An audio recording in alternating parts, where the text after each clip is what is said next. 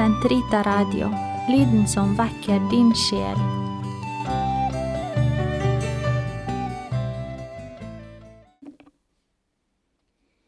Den katolske kirkes katekisme, uke 17, tirsdag, paragraf 283 til 289. Spørsmålet om verdens og menneskenes opprinnelse har vært gjenstand for mye vitenskapelig granskning. En forskning som i høy grad har bidratt til å berike våre kunnskaper om universets alder og dimensjoner, utviklingen av liv og menneskets tilblivelse.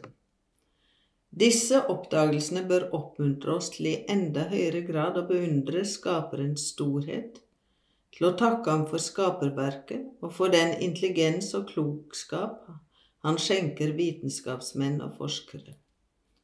Disse kan si med Salomo, Han har gitt meg sikker viten om alt som er, så jeg kjenner universets oppbygning og elementenes virkemåte.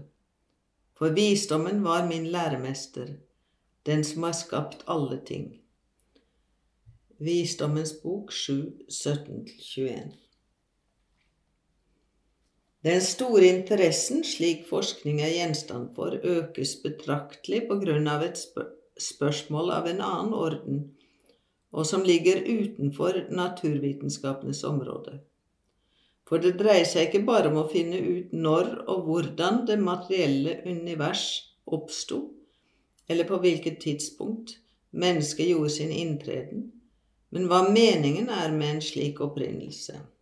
Styres den av tilfeldighet, av en blind skjebne, en anonym nødvendighet, eller av et transcendent vesen som er godt og fornuftig, og som kalles Gud?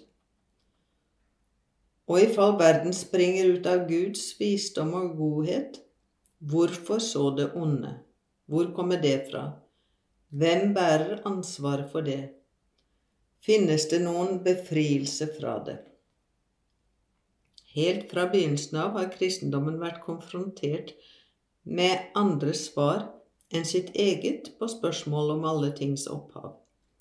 I de antikke religioner og kulturer finner vi tallrike opphavsmyter. Noen filosofer hevdet at alt er Gud, at verden er Gud, eller at verdens utvikling er lik Guds utvikling, panteisme. Andre hevdet at verden er en nødvendighetsbestemt emanasjon fra Gud, som strømmer ut fra ham som fra sin kilde, for så å vende tilbake til den.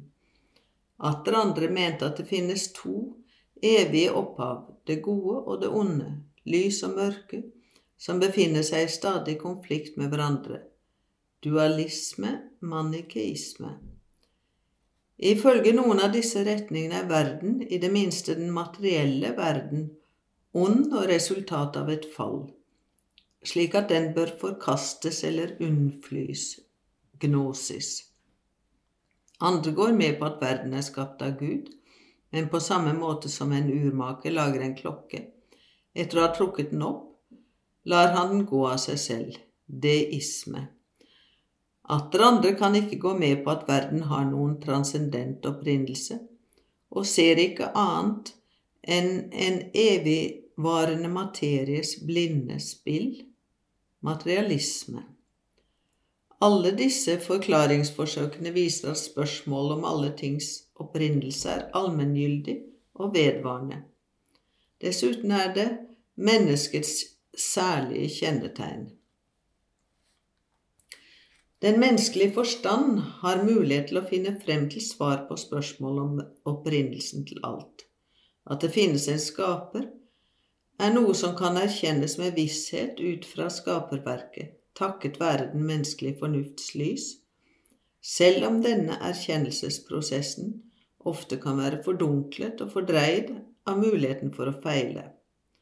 Derfor stadfester og opplyser troen fornuften slik at den kan gripe sannheten på riktig måte. Det er troen som får oss til å forstå at verden er blitt til på et ord fra Gud, det vil si at det vi ser, har en usynlig årsak. Hebrebrevet 11,3. Siden det i menneskets liv er så viktig å kjenne sannheten om skaperverket, ville Gud i sin kjærlighet åpenbare for sitt folk alt det som er nødvendig til frelse. Utover den naturlige erkjennelse som ethvert menneske kan ha om Skaperen, åpenbarte Gud for Israel litt etter litt skapelsens mysterium.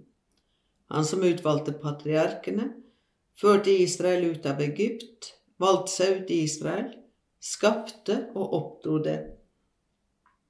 Han åpenbarer seg som den alle jordens folk og hele jorden tilhører, som den som alene skapte himmel og jord.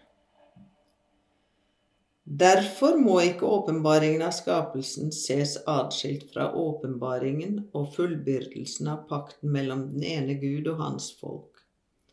Skapelsen åpenbares som det første skritt i retning av paktslutningen, som det første vitnesbyrd om Guds allmektige kjærlighet til hele verden. Derfor kommer sannheten om skapelsen stadig sterkere til uttrykk i profetenes budskap, i bønnene i salmene og i liturgien og i det utvalgte folks visdomstenkning. De tre første kapitlene i Genesis inntar en særstilling i alt som Den hellige skrift sier om skapelsen. Fra et litterært synspunkt kan disse tekstene stamme fra ulike kilder. De inspirerte forfattere har satt dem på begynnelsen av Skriften, slik at de høytidelig kan fortelle sannheten om skapelsen, dens opphav og endelige bestemmelse i Gud, dens orden og godhet, menneskets kall og til sist syndens tragedie og håp om frelse. Disse ordene, når de leses i Kristi lys, innenfor Skriftens enhet og Kirkens levende tradisjon, er den viktigste kilde for trosundervisning om begynnelsens mysterium, skapelse, syndefall, løfte om frelse.